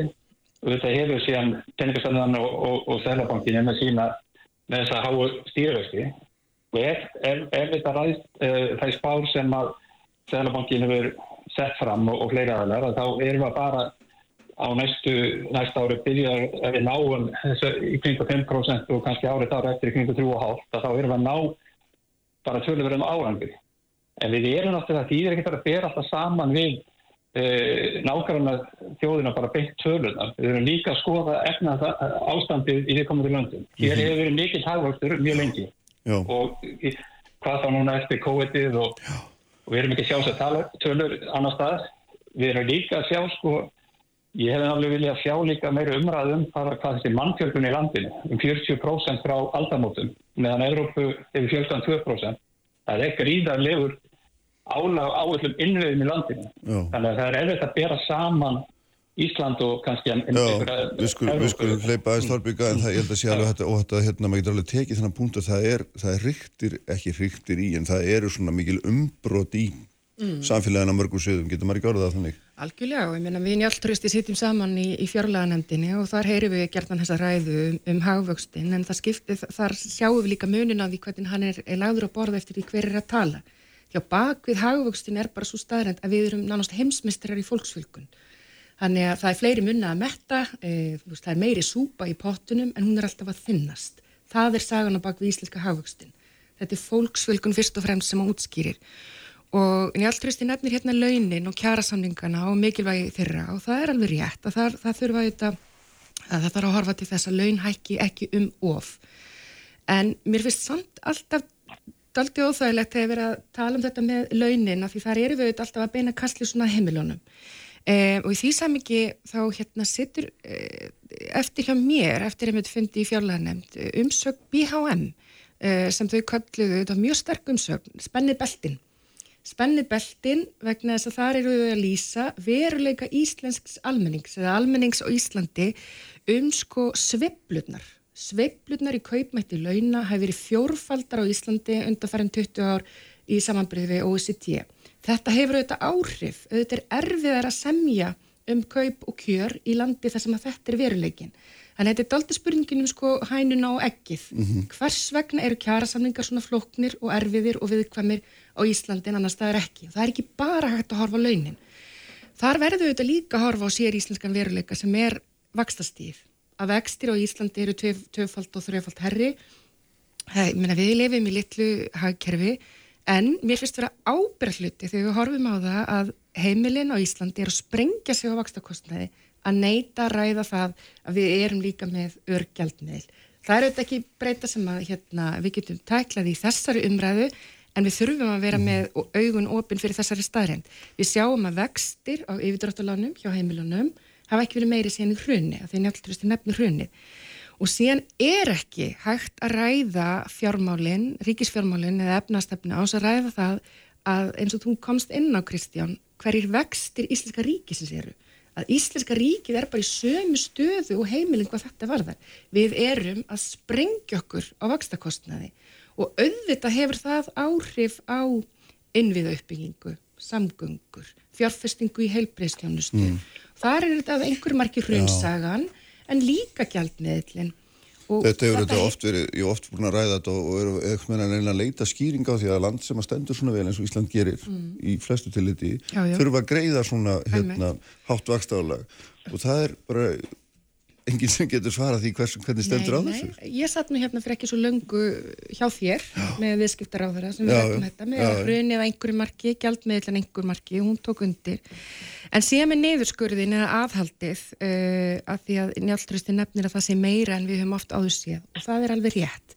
Þar myndi ég kannski segja að uh, það sé líka spurningum það hvernig farið er í aðhaldið að ríkistjórnir er einhvern veginn að senda út þau skilabóð til allra stopnana, e, segist taka heilbríðskerfið út fyrir svega um bara að fara með ostaskera ná, taka mm. 1 og 2% af allstaðar, bara flatur niðurskurður, flatt aðhald, e, en ekki verið að fara kannski í það sem er pólitíst flóknara verkefni, að rína verkefnin, er eitthvað sem má missa sinn, e, er eitthvað sem getum sleft alveg mm -hmm. og fyrir vikið verður niðurstans úr að það er farið í svona auðvilda bita eins og að fresta framkvæmdum eh, vegna þess að það er ekki, menn hafa ekki þrekið til þess að fara í bara í svona eðlilegri tiltækt sem skapar sem bara líka sviflur eh, á húsnæðismarkaði, Já. í samgöngum og svo framvegis um, og líka þetta með þegar við erum að tala um þenslu, hvar er þenslan? Er þensla hjá barnafjölskyldum í landinu sem er að sprengja sig á háum vöxtum, fá engan stuðning frá ríkinu og fá skilabúðum að róa sig í kjærasamningum eða er hún kannski til dæmis hjá ferðarþjónustunni og þá Mm. væri þá kannski eitt að skoða þá umgjörð áhrif á húsnæðismarkað, e, vaskin sem að svo atvinnugrein greiðir að hérna, mér finnst að einhvern veginn alltaf eh, að, að ríkistjórnin stoppi alltaf í allir gjaldtöku á umræðum ábyrð á heimilum landsins. Já, Njáldrasti, bregðast hans við þessu? Já, það, það komur svo margir punktar fram. Margir en- punktar. Já, það er mjög sjóð. En, en hérna, þetta er nákvæmlega, sko, hvaða, þið er að bera saman efnarsástand í Európu og, og, og, og Íslandi kannski síðasta ára tíin. Ef við skoðum bara að kaupmáttur Íslandi hefur vaksið frá 2013 um, um, um 50%. Mm, Ég var að tala um þess að er, byrju, já, en þetta er einmitt kannski bestu ár þjóðvöldin, eða sem sagt uh, í sögu þjóðan, frá lífið stofnum þessi áratug, að mörgum leiti og vexta kostnaði til dæmis þegar við tókum eitthvað 7-8 ár, 9 ár þá var hann bara, það voru stýrivexti hérna í kringum og vexta því mjög lágt, kannski 2,5 til 2,6 þetta er hægt og við erum sínt fram, fram á það. En þegar þenslan, við þekkjum það náttúrulega þegar að að það eru sterkir atvinnuvegir og, og við, við förum virkilega á flug og þetta vorum við jætna okkur eftir árin þar undan, einhver leiti, en við erum, það er bara, kaupmátturinn er vaksið gríðanda. Við erum síðan með og Íslandikar eru svolítið góði í því að búa til vandamur og til dæmis í, í húsnæðismálum, lóðaskorti, hvernig með setja þetta upp, innveðagjöld og annað og sprengja raunverulega upp kerfin, svona þróan sem hóst kannski fyrir 20 árum eða svo, sem byrjaði í Reykjavík og sem komið víkt og breytt. Það er þannig að, að e, til dæmis aðskipulega Reykjavík, ég held að þetta bara að skoða það sem er samtíkt 2010-11, það sem er gett ráð fyrir að það sé bara byggt 90-95% og að þéttingareitum út af nesinu að rándýra lóðum. Þetta er svona hluti sem búa til vandamál. Það má ekki búa til ný hverfi og, og, og, og halda niður. Það sem að Reykjavík gleiðir í, í innvæðagjöldum og og háum, það sprengir upp markað og verðum að degna. Síðan kemur á þetta þegar að, að, að þetta verður alltaf mikið vesin að, byggja og það er bara eiginlega svona eins og kerfi var að með brutun í lönd og, og byggður hverfi með hafkamra hætti heldur hann fara endalist á teknikarið og byggja allt eða rándir í íbúðu þessum miljón, miljón krónur permaturinn að vona að þetta kemur eins og ég sagði því gríðarlega mannfjölkun landinu og mikið, mikið eins og fyrra það fjölkaði hér um 11.500 manns í landinu þúsund manns á, á, á mánuði og þannig hefur þetta verið áfram á þessu ári þegar ég var að tala á þann um þetta vilti ég akkur að koma með og benda og sem að þetta var líka aftur svar við því sem að uh, Dr. Sigur er að koma inn á með framlegin aukningin yfir eitthvað, já, hoftara tímabil sem hefur verið skoða um 1,3% að unna, unna klukkustum. Það er grunnurinn af því sem við erum að fást við það sem að, að samfélagi fóla sko í, í, í kjærasamningum. Mhm. Þannig byggjum við kaupmáttin. Í, á Norðurlandunum hefur þetta að, að, að, þetta hlutallir ekki náðust til þess að Norðurlandunum. Það sem er svona 0,5 til 0,7% á sama tíma. Svona sem þessi viðmöðun á síðustu ár. Þannig að við höfum bara verið með mjög öflugt uh, aðlýf og þetta hef ég svolítið bara víst þessum sem gegnum tíðin að, íslenska krónan í sjálf sig er bara svolítið hitamælinin á stöðunni fyrir okkar samfélag að byggjast upp með allt öðrum hætti, með miklu öflugri hætti, heldur um að sjáast í, í, hérna, í, í, í nákvæmna löndum.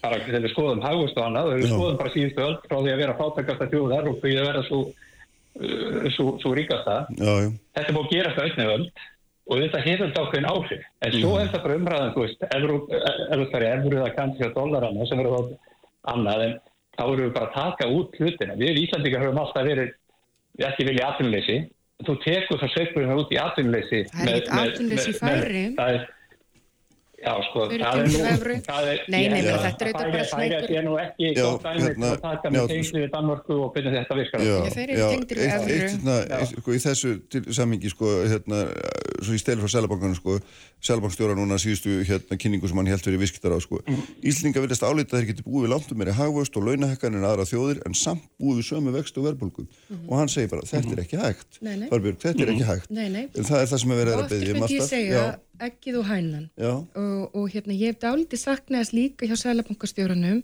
þegar hann er að tala um kjarasamninga og hann er að tala um húsnæðismálinu og svona, mér finnst hann full feimin þegar hann er að tala um ríkisfjármálin. Auðvitað er það þannig þegar við afgrifum fjárlög e, þar sem við erum með reyfing og fjármagn upp á 1500 miljardar að þetta hefur áhrif. Og það þarf að ræða það líka það myndi ég kannski koma inn á aftur þetta með aðhaldin, myndu heimilin draga svona tekjum að taka bara 1 og 2% af öllum útgjaldaliðum eða myndu fara að skoða hvar er sveigurumið þannig myndu heimilin gera þetta og þannig það ríkisfjármál að gera þetta. Og það er þannig með ríkisfjármáli núna og, og fjármálræðandi var bara ræða þetta við okkur að fundi í vikunni að það eru áframhaldandi tölverið miklar lántökur hjá ríkinu. Uh, og síðan við auðvitað eftir að sjá verður það smátt í sniðu með stærra myndar leða til þess að, ríkisögur fer í frekari lántökur að þegar að vextir eru þriðji til fjórði stærsti útgjaldalegu ríkisins þá bara gengur það ekki upp að neyta ræða það. Þetta er svo stór og íþingjandi kostnar við að para við Gríkland og Ítalíu þarna að þetta þarf að ræða. Og aðeins með húsnæðismálinn bara en þar finnst mér sko, það er ekki hægt að ræða stöðuna og húsnæðismarkaði í landinu á þess að ræða undirstöðu atvinningurinn sem ferðarþjónustan er. Þetta er ekki bara spurning um lóðir, þetta er spurning um það að við erum heimsmeistarir í fólksfjölgun, það er ekki bara hægt að tala um þetta sem frambúsvandi þegar okkur fjölgar eins og okkur fjölgar. Það er bara staðan. Og síðan myndi ég í lókin vilja fá að segja já. Varandi þessa stöðu í Grindavík og annar staðar að, ég er svona hræðist að aðeins hvað ríkistjórnum er fljót að dempa sköttum á almenning þar eins og við sáum í tengslu með varnagarðin og við sjáum líka núna að það er verið að búa 1% skattahækun á fyrirtækinu í landinu. Þau verða að fara að horfa á það hvernig ríkisfjármálinn sjálf eru ekki bara beina kastljósinu að almenningi. Njáll, þú farið örfá sekundur Já, ég er kannski varðandi fjárlögi núna og, og við erum harið sömrað og klárum núna kemur meirinn dáliti frá fjárlögin núna í vikunni og við tökum aðra, aðra umræði tinginu eftir um að viku. Ég held að uh, og óvissan er mikil með Grindavík það verður sjálfsagt gert með einhverjum hætti þegar staðan skýrist í gegnum fjárreika og einhver kannski inn í þriðju umræði núna en við þekkjum þetta COVID COVID árið 2020 gerðum við fimm fjárreika yfir það árið. Þannig að það verður mikil aðlugum af kerfunum okkar síðan vil ég rétt í lokin Já, að ég hef gríðarlega ágjur á einu máli sem við hefum ekki drektir núna Já. og það er staða benda í samfélaginu. Já, og það akkurat. er eitthvað sem við þurfum að taka við núna í fyrir jól í þinginu að, að hjálpa til. Þannig að ég held að þetta er gríðarlega mislingur uppi að, að, að almennt tala fólk eins og já en er bendur ekki bara svo í heim út af vaktarkostnaði en að- að- að- við erum við stöðu þar sem að heimil er bara vel í reksturinnum en það verður að hafa það í huga að ofan á vakstakostnaðin hefur allt annað breyst, áburðurinn, Já, já. uh, uh, pólverið, uh, all- allur auk- kostnaðurinn. En þetta annað mál, eins. þetta að mál var, þetta var Já. bara svæft í nefnd ráðuneytistjóra þegar að þessar upplýsingar komið fram Já, alltaf fyrir en nokkrum vikum. Hefur því eitthvað en- miðað eða eitthvað? Já, nú er von á tilhörum ráðstjórana bara innan fara dag og ég rekna með að þá fáum við að fáum við þá frekari tilhögur um það hvernig við ætlum að takast á við þetta stóra mikla og mikilvæga mál á, á næstu vikum og klárum það fyrir jól hvernig við stuðningur verður við uh, við hérna bændur og, og fæður í landinu. Já, og það er svona eitthvað sem við eigum ekki gleyma í þessu ástandi sem er núna að, að það, það er margt undir sem við þurfum að laga. Já. en það sem er óvinnulegt er að að, að, að gaggrínin kannski er ekki beint fyrst með hjá minnihlutana mikið á fjárlögum sem slík, það er að taka einstakka þætti Ég er nú bara er hjartanlega umræða. ósamála þér það er njátt, Og- Kristi.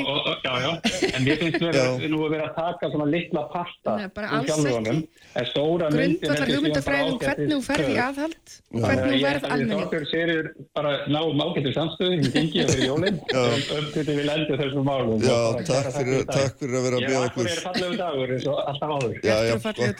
nú. Hérna, takk fyrir að vera með okkur og takk fyrir að koma þarna. Það er Trausti og, við reynisum hér eftir regnablík. Takk, takk. Sprengisandur á bylgjunni Heimsins mesta Fréttir, fróðleikur og frábær tónlist Bilgjan Sprengisandur. Alla sunnudaga á bylgjunni. Sælustendur aftur, uh, þeir eru farin frá með Þorbjörg Silvíu Gunnarsdóttir og Njátt Trausti Fribertsson, en sestur er hér Ari Trausti Guðmundsson og Víði Reynisson, sælur blessaði báði tver og það er að kynna ykkur frekar, það er náttúrulega sértakku jærfræðingu þáttarins.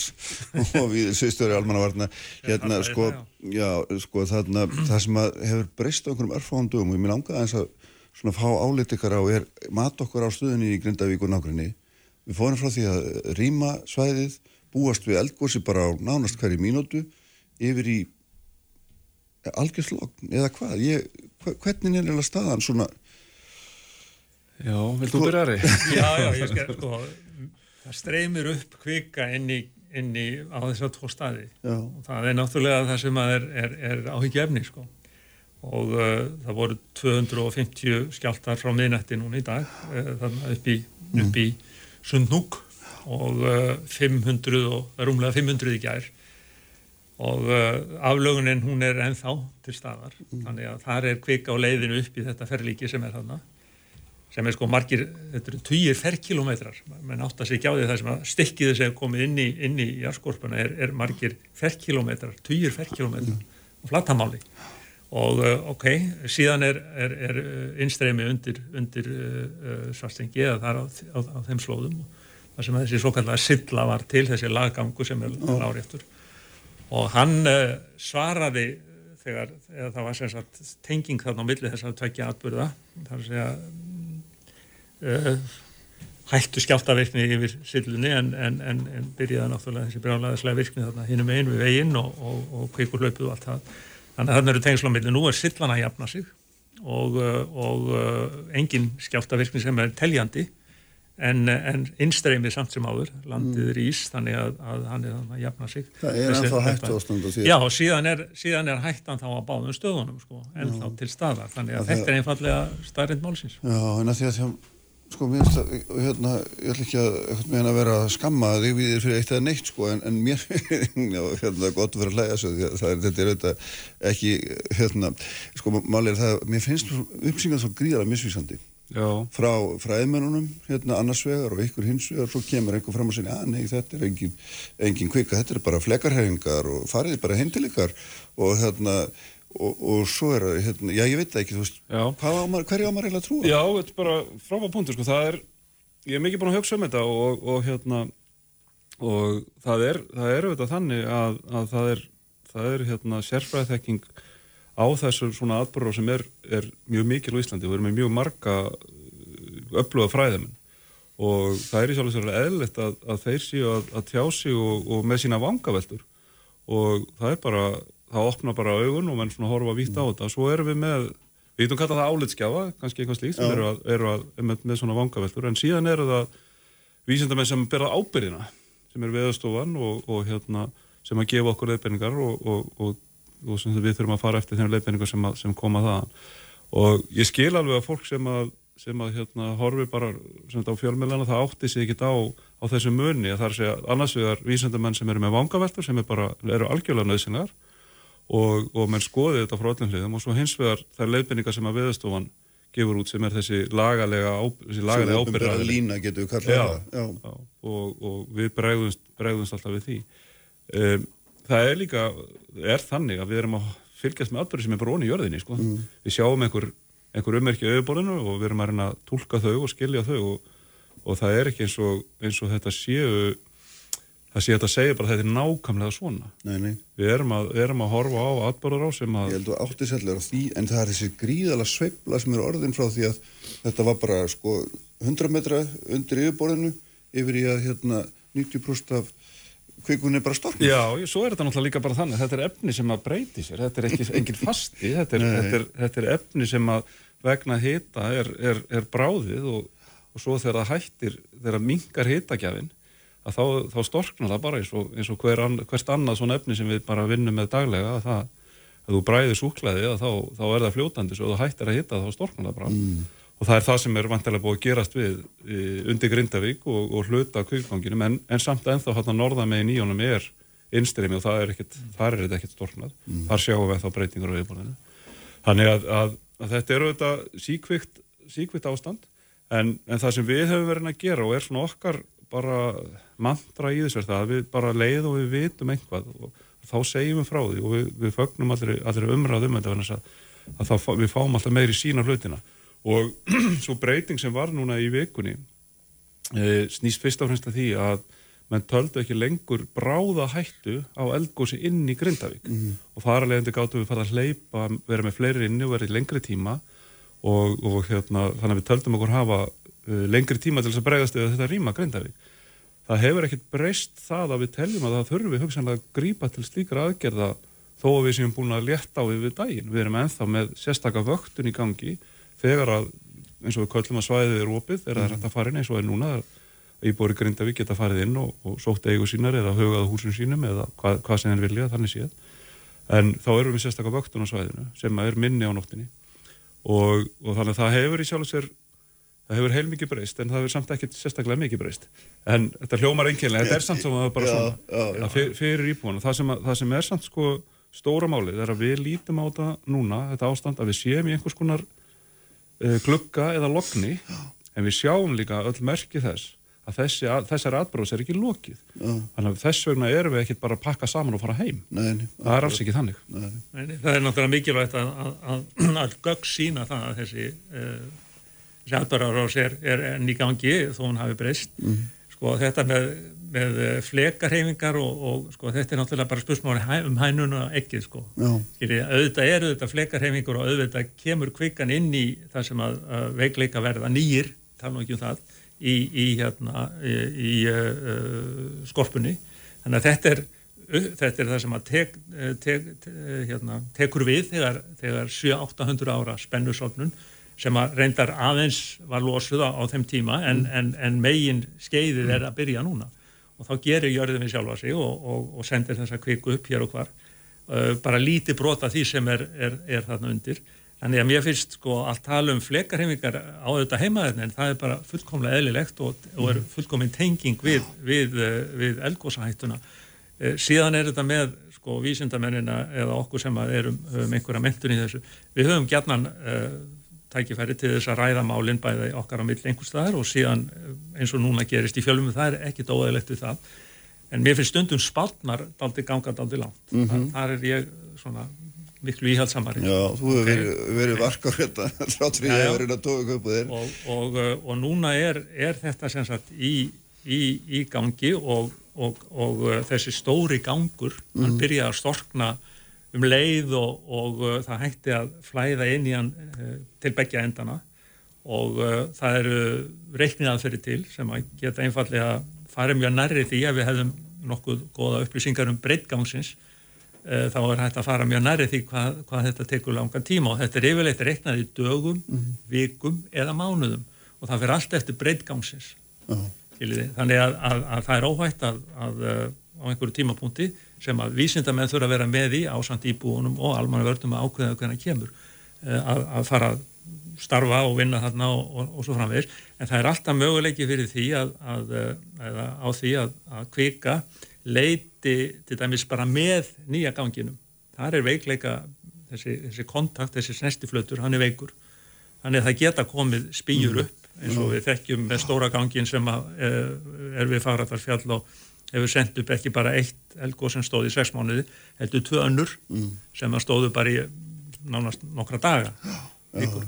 Þannig að þetta er staða sem við, við rínum í og, og það er fullkomlega hægt að treysta eh, íslensku vísindamönnum til að gera það á einn svona góðan máta sem að, eða þann besta máta sem er mögulegur. Já, en það hlýtur samt að vera við, sko, allavega svona finnst manni það utanfrá að þeirra, þetta er náttúrulega samkeppni um, um hérna yfirlýsingar. Það er gos í þessari viku, ja, hlýtur að koma gos fyrir helgi.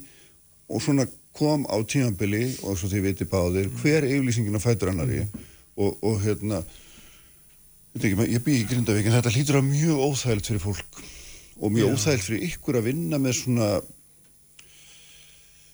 og þið heyrið þetta alveg þó þið séð að fara eftir Já, já, auðvitað, hérna, hlustum við á alla þessa, þessa umræðu og tökum þátt í henni líka að, að, að vera með þessa vangaveltur en eins og Ari segir þá, þá stundum hafa spátna verið, verið hérna, miklar en, en á sama tíma vitum við það alveg það er náttúrulega verið að reyna að toga út úr, okkar ágæta vísindafólki einhverjar upplýsingar. Það er alveg sérstaklega vísindaráð. Já, já, svo, svo erum við með, með, með svona stóran samstarfsgrunn vísindamanna sem að, það sem að umræðanar fara fram með okkur og, og við, við erum að hlusta á, á þessar vangaveltur og síðan er tekin einhver, einhver ákvörun um sammeðlega tólkun eins og við getum bara tekið sena hérna förstundaginn 10. november sem dæmi að, að þá setnipartin þá að þá, þá er það orðið nokkuð ljóst að, að mann er að sjá að það er að myndast kveikugangur og, og hann, hann verist vera hérna norðan við Sundnúk og, og, og þá vatnarsvæðinu þannig að hraun myndi ekki renna til Grindavíkur og það verið síðan niðurstaðan í, í, í matinu sem við fáum hann um kvöldmættileitið að, að þetta sé langt líklegast að, að hraun muni renna þá til, til austus og ekki Grindavík. Síðan bara heldur þessi atbæðars áfram að miklu meiri hraða heldur en nokkuð gætt órað fyrir mm -hmm. og, og klukkan þrjálfmínundur í elli við fáum við tilkynningur á veðstónum um þetta að, að þau meti það að kvikgangu sé að koma undir Grindavík og það sé fulla ástættilis að rýma og, og að fara í það strax en við erum búin að taka þátt í þessu rumræða allan daginn og hlusta. Það er svona áttum okkur á því hvert stefnir og, og það. En, en á sama tíma eru þetta verið að ræða málinn í fjölmilum og menn eru með, með hérna, sína getgátur og spátuma og og það er auðvitað, bara maður getur eiginlega ekki sett sér í spór grindvikinga að, að, að heyra þetta svona, að það sem menn er að tala mjög vít um svæðið og um starðir og annað. Og, og á sama tíma fólk er annars vegar þarna tíunda fást við það að jörðin bara, hún hristist alveg stöðut, það eru svakalega lýsingar að heyra frá íbúðum og, og síðan þessi atbúrúsettur að fólk er búið að þurfa að flýja heimili sína mm. en þá sé þetta þannig að menn, menn svona get ekki sagt nákvæmlega hvað það er. Það er bara hluta þessum jarðvísindum í þessu að... Já, en er, er, ég veit að þetta er náttúrulega mjög skamma tímórin en er svona þurfum við eitthvað að horfa á þetta tilbaka og aðeins að velta fyrir okkur um, svona hvernig við umgöngumst umræðum um svona hluti hérna Eflaust þarf að, eflaust þarf að sko, við þurfum bærað að læra á náttúrulega umræðunni en við þurfum líka að læra af því sem hefur gerst. Já, já,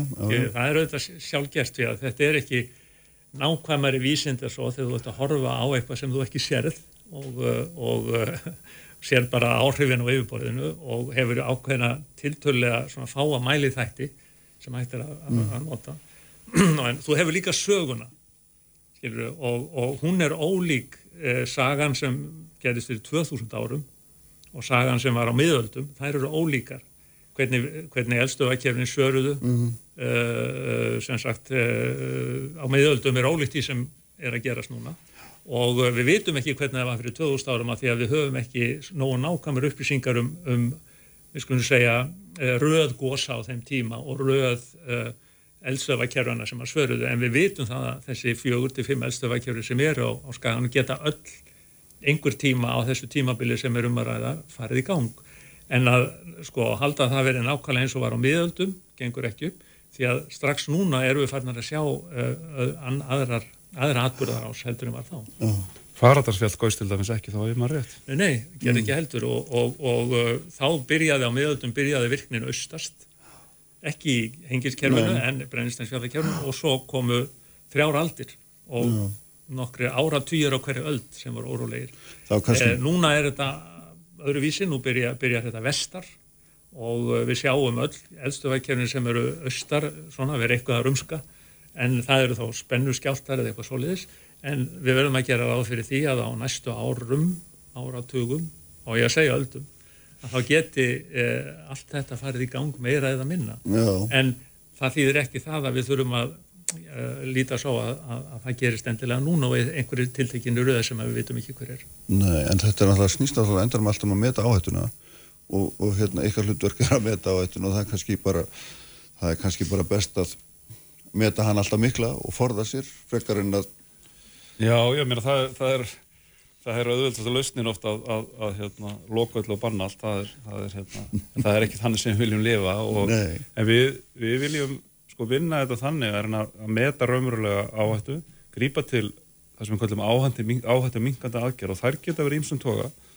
Uh, þær geta verið allt frá því að skipulegja byggð það sem er, er hérna, minni líkur á einhverja atbyrgi gerist uppi það að vera með upplugt vöktunarkerfi og, og tryggja það að hægt sé að gefa viðvaranir og spáferir með einhverjum örgum hætti hvað getur gerst og verða þá tilbúin að grípa til þeirra aðgerða að, að forða, forða fólki frá tjóni mm. en við erum líka að horfa á á eignir og umhverfið í, í því samhengi þannig að það er, en, en svona stóra málið hjá okkur núna er þetta svo óvisa sem, að, sem grindvikingar sitta, sitta við, Mm. þannig að það er, það er það sem við erum alltaf að reyna að svara öllu, öllu sem brennur á grindvikingum Já. og það er fjölmart og, og sumt að þið bara ekkert hægt að, hægt að svara og staðsta spurningin er auðvitað hvernig komast þú heim Já. Og henni getur engin svarað í dag, það hefur stærlega ljóst. Það er mjög margt undir í því. Nákvæmlega. Herðu, besti þakki báði tveir fyrir að hérna, vera með mér í dag. Varum að láta þættir um lokið að þessu sinni. Uh, ég veit að við Haldursson stýrði útsendingunni sem hann gerir alltaf alltaf. Vísi.is og Bilgjum.is og svo í Bilgju appinu. Svo erum við með ykkur aftur eftir vikum. Verið sæl.